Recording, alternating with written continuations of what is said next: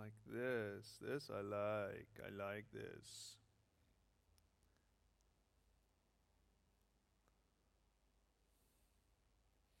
So, this is God's word on the subject. Jeremiah 29, verse 11, but it's uh, verse 10 and 11. It comes from the message translation. I say, as soon, it says, as soon as Babylon's 70 years are up and not a day before, I'll show up and take care of you as I promised and bring you back home.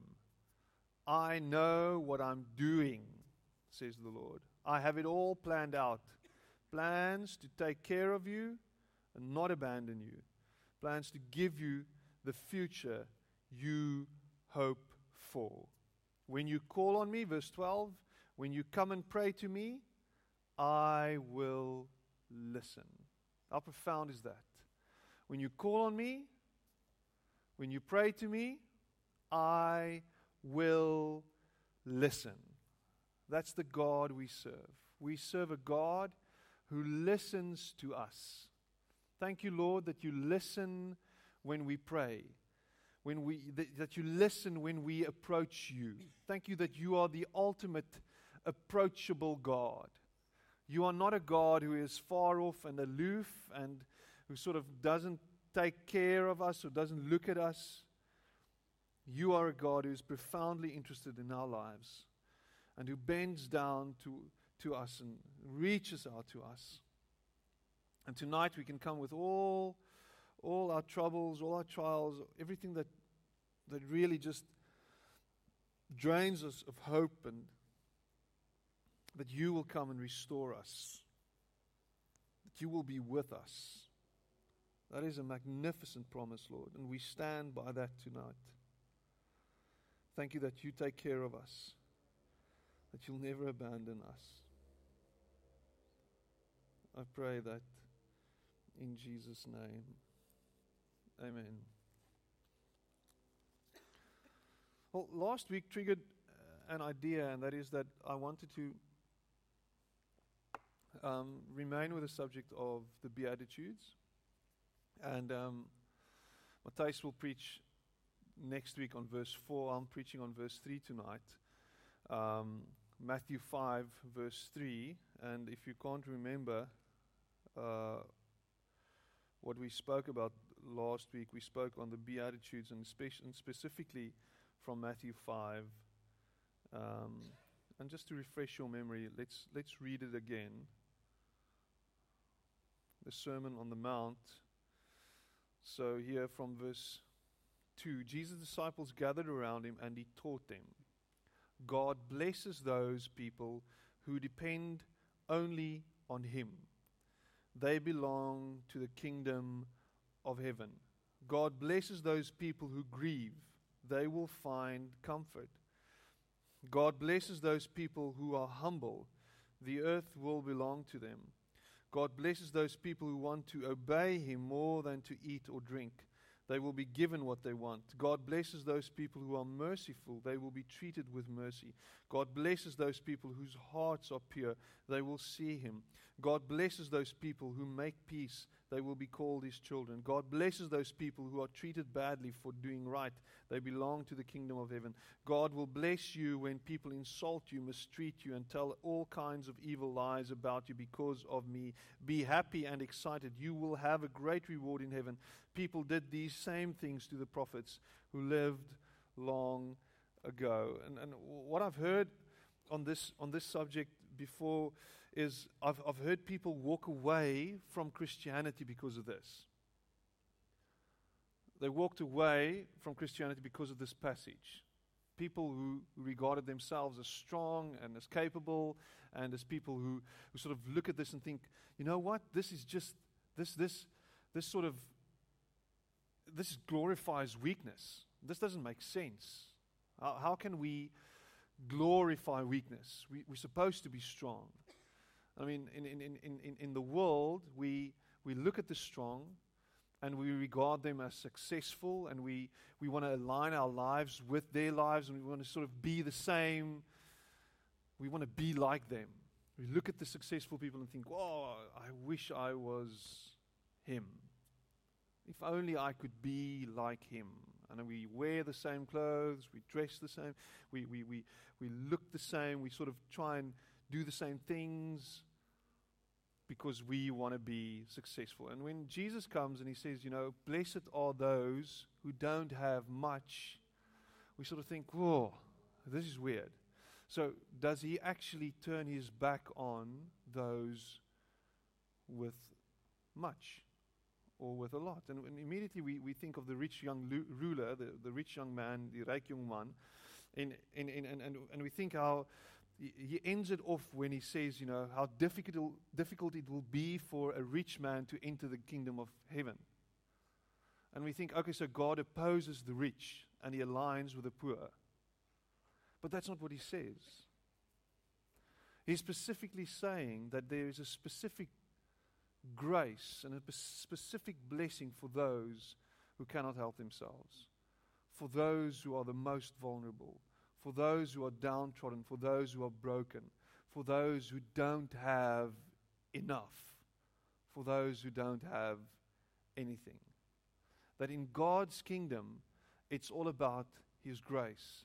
It's all about Him coming down to us and aligning Himself with those in need and saying, Here I am to comfort those.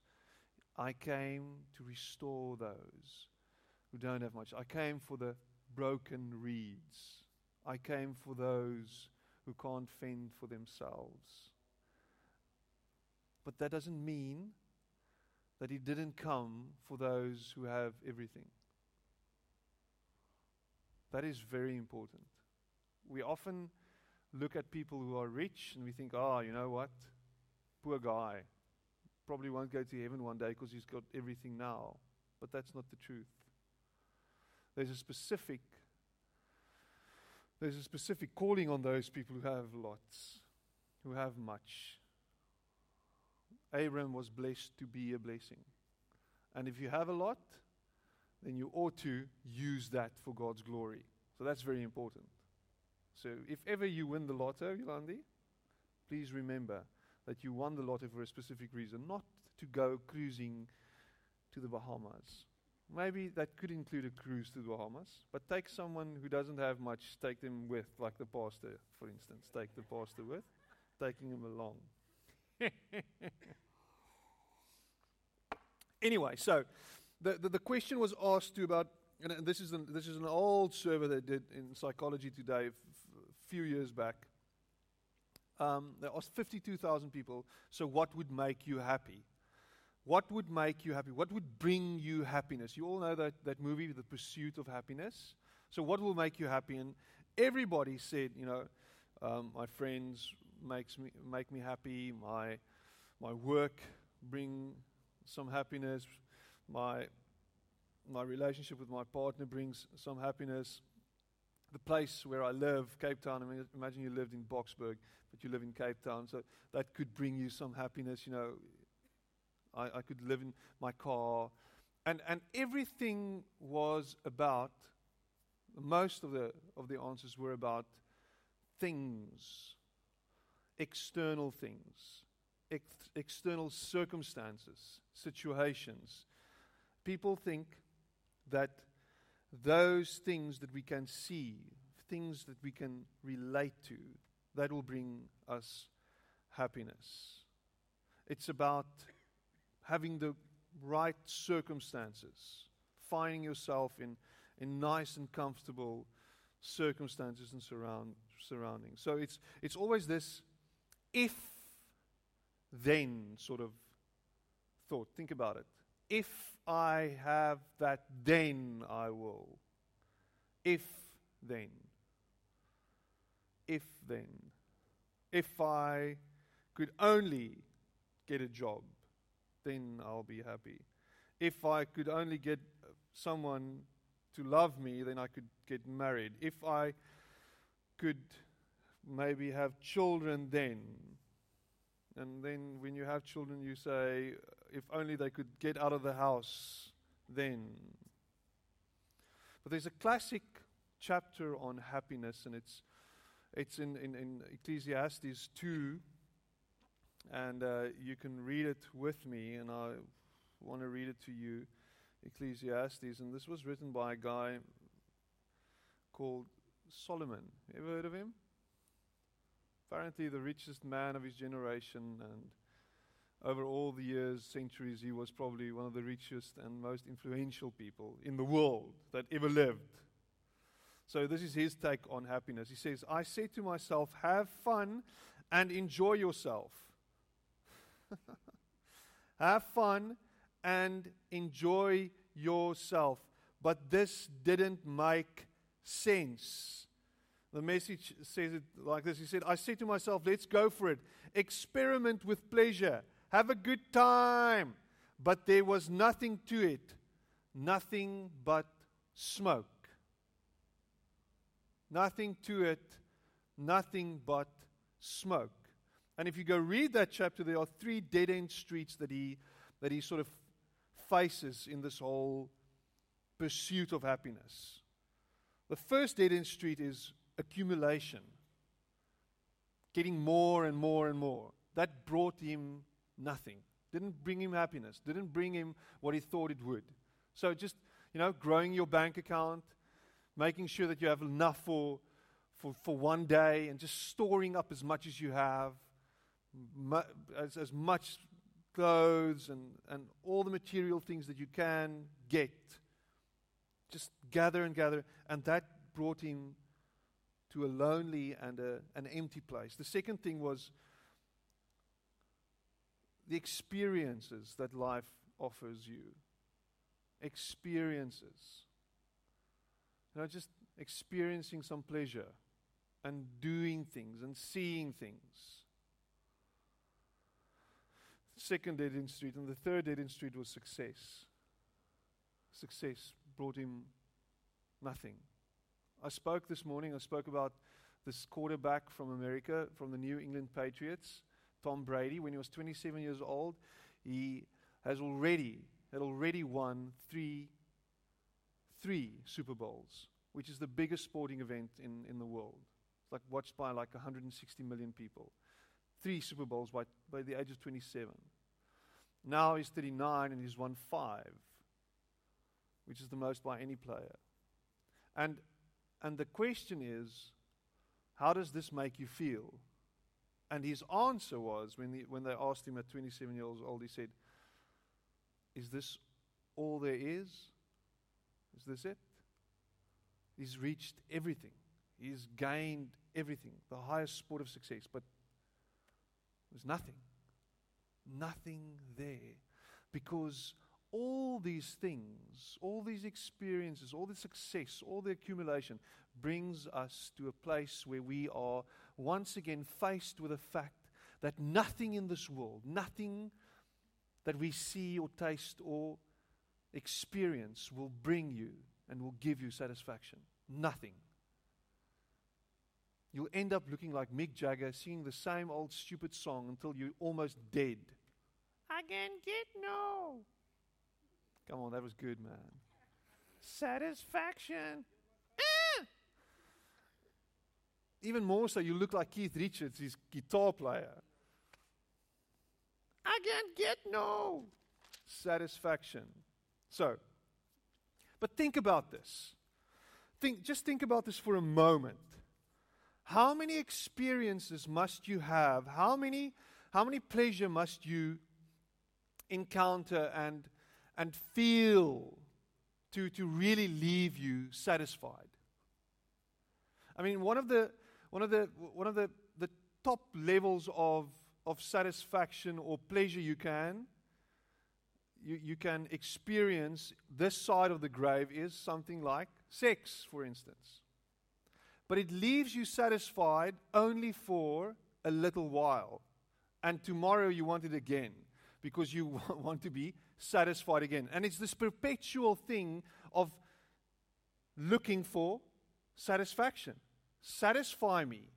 And it will never leave you completely satisfied. You always need something else. You always need it again. That's the thing with drugs as well. You always need something more. You, you need it again. You need it again too for that experience. You need that. nothing so I've won the lotto now. I've won millions. That's amazing. I've experienced great joy. But now my whole life is still in front of me, lies ahead of me. Will this bring me amazing satisfaction? Will this satisfy me? Don't think so. How many people have won the lotto and have lost everything? Have made a mess of their lives? To be envied. Think about that for a moment. And it's not the poor in spirit, it's not the mentally ill. It's not the it's not the, the, the person who doesn't have mental capacity, who's not very, you know, he's not very bright up there. How's that, how does that, that, that Leon Schuster go, joke go? Something wrong with you upstairs. Not something wrong with me upstairs. There's something wrong with you upstairs. And even in the, in the speed cop, sort of in a. That's very funny. Anyway, you should, you should have been there. But, but being poor in spirit means to be, to be dependent on God. To be to, to, to look at him and saying, you know, I need you. In Afrikaans om afhanklik te wees van God. To to trust in God. Now think about this for a moment. Looking at yourself and thinking, you know, I don't have all the answers. I don't have what it takes. I, I, I, I don't really know how to, to work things out. I'm not sure that I've got it all figured out. And what now, what, what happens now is I look at something or someone else for my provision. I look at someone else with this sense of, I need you. Isn't that the Christian life? looking at God and saying, I can't do this on my own. Poor in spirit, not having everything figured out. I need you, Lord. Total humility. Looking at Him and saying, I come to you in all humbleness and humility. And for some of us, that might mean being humiliated, being stripped bare, being broken, being totally devastated by life, which often happens. I have a friend who, who had it all, had it all. Now, really struggling to, foot, to put food on the table. And his words, when we spoke past few days, you know what, Piet? Maybe this is just God stripping me of all on all my throats. What's that in English? All my pride. Just stripping me of all my pride. And God reminding him and reminding us that being humble is what it means to be a Christian. I haven't arrived. I don't know everything. I can't make everything work.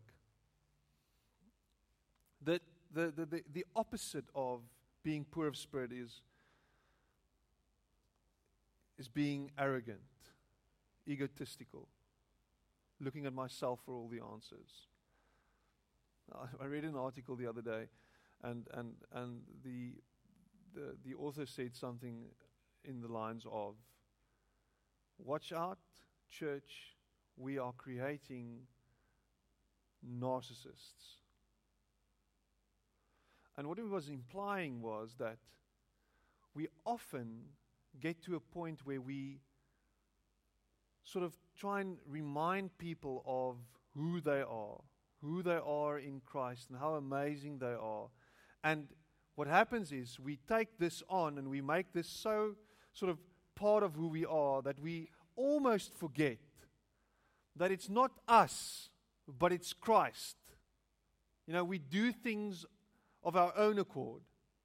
Moses comes to the rock and he hits the rock with his staff because he's seen it work before, but not because God said he must do it. And he did it and, and it worked. The, the water came out of the rock, but he did it out of his own. And God said, What are you doing? Why, why are you doing this?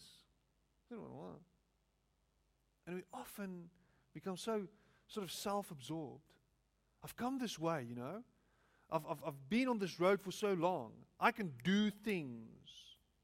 My dad always told me while he was a young pastor, he had this one older pastor that he always looked up to. He was a great man of God who was used by God mightily. And, and really, it was, it, was, it was the strangest thing. He once stood on the, on the pulpit, and after he preached, this guy, because in the old Pentecostal church, they preached for hours. And this guy came up to him and he said, You know what? While the service was going on, he said, You can preach, but I'll teach you how to control the crowd. Those were his words. You can preach, but I'll teach you how to control the crowds. Because apparently, there's some power that we have in ourselves to control people and to do things out of our own. It's such a dangerous place to be when we start trusting in ourselves.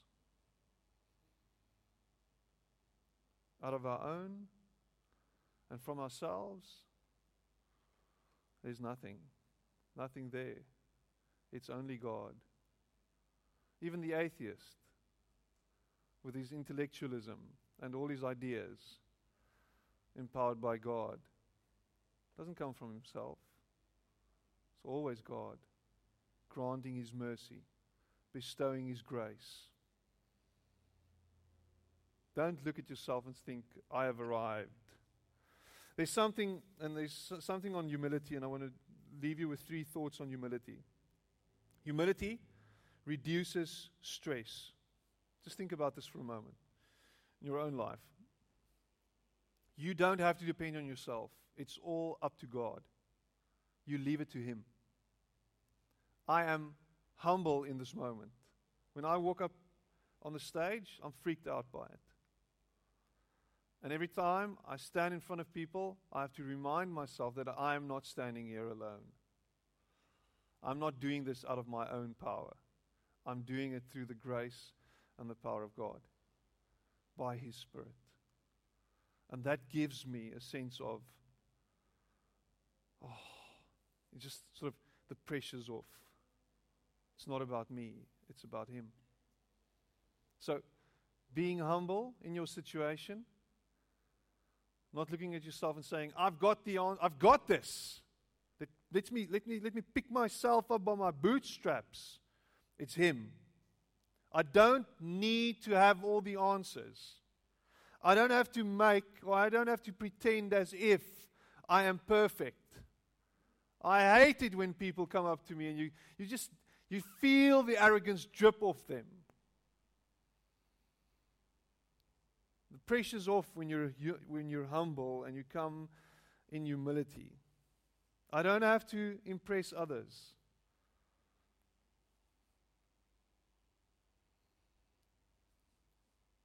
I am who I am because God made me the way I am, and He will lead me by His Spirit. So, humility, it reduces, it reduces stress. Humility has this way of improving our relationships. Just think about it. Think about taking a, a, a humble posture in a relationship you're married, you know what I'm talking about. Not always trying to be, I am right, you are wrong. Just once every now and then, just try and take the, take the low road, not the high road. Just, just experience humiliation and see what it brings you.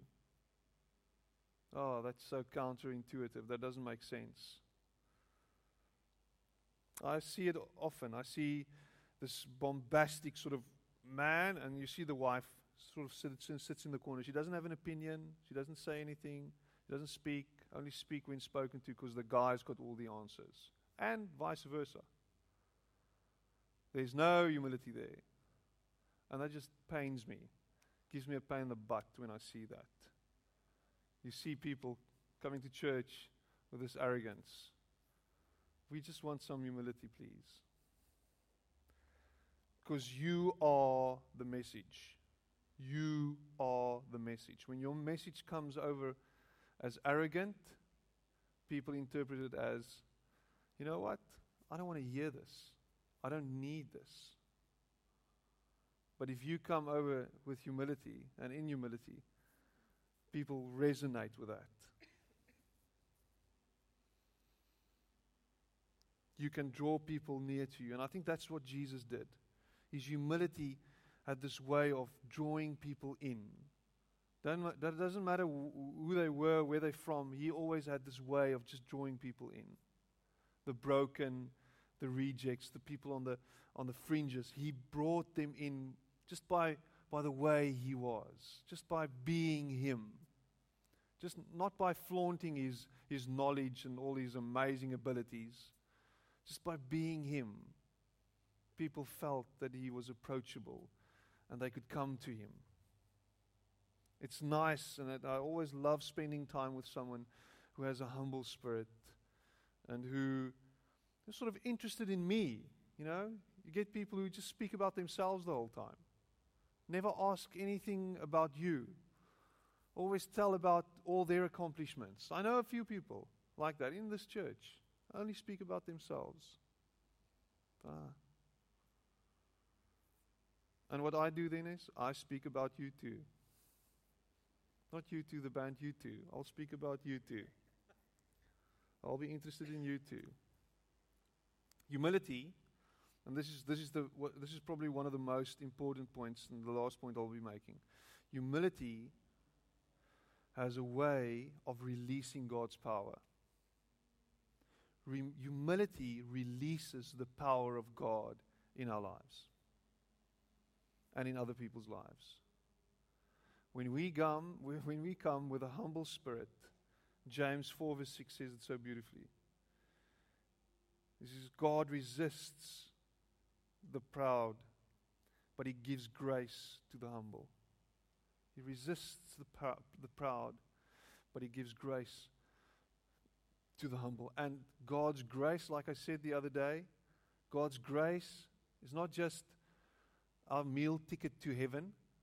We, all, we often think in, in terms of blood and sacrifice, grace, unmerited favor, but it's, it's, what, it's what's, what, what, what's keeping us standing.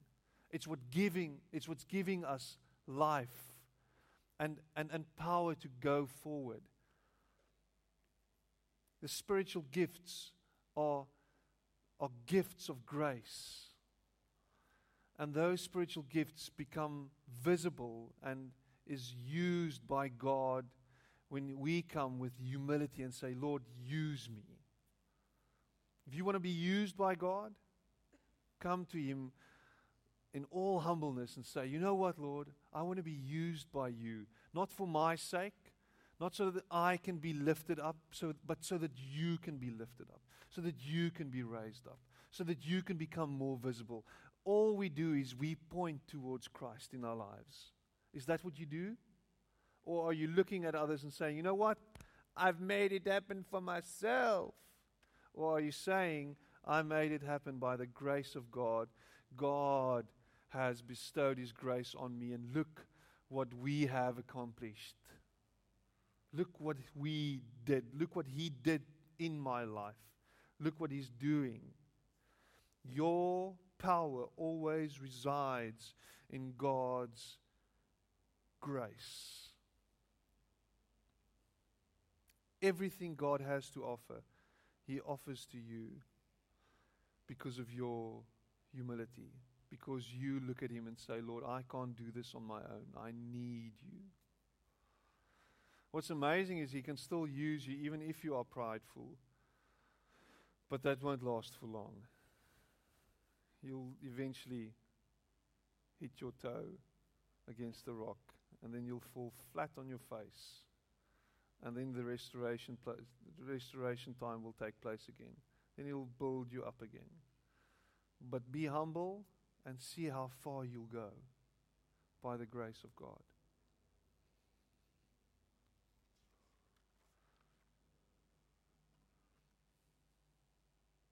Blessed are the poor in spirit, for theirs is the kingdom of heaven. Let's pray. Lord Jesus, thank you that we can come to you just as we are. Thank you that you want to use us in spite of who we are. Thank you that you want to work through us in this world and that you want to be re- that you want to be reflected in this world. Your love wants to be reflected in this world through us. Thank you, Lord, that, that we can be instruments in your hands. Thank you for a church where, where we can love one another, where we, we can look after one another, where we can, in all humility, come to each other and say, I want to help you, or will you help me? I need you. Lord, help us not to be so full of pride that, that we alienate ourselves from community and from your restoration, love, and mercy, and grace, and power. Help us and remind us every day to take in the posture of, of being dependent on you, of being in need of you of being in need of grace every single day. Help us not to be proud, Lord. but Help us to be humble. And I pray this in Jesus' name. Amen. So we're going to have communion. And um, uh, this is a very important part of, of our Christian life and of Christian practice is having communion, of sharing it, of sharing the table, of, of being at the table, of eating his body and drinking his blood.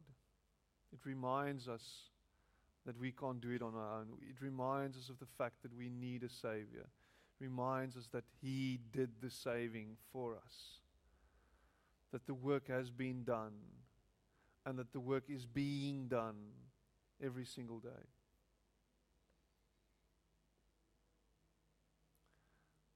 And I want to remind you of the fact, and Paul says it so beautifully. He says, if you have something against your brother, or you know that someone has something against you, go fix it before you have communion. And what he's saying is, he's saying, don't try and partake in God's grace if you can't share grace. Well, that's profound.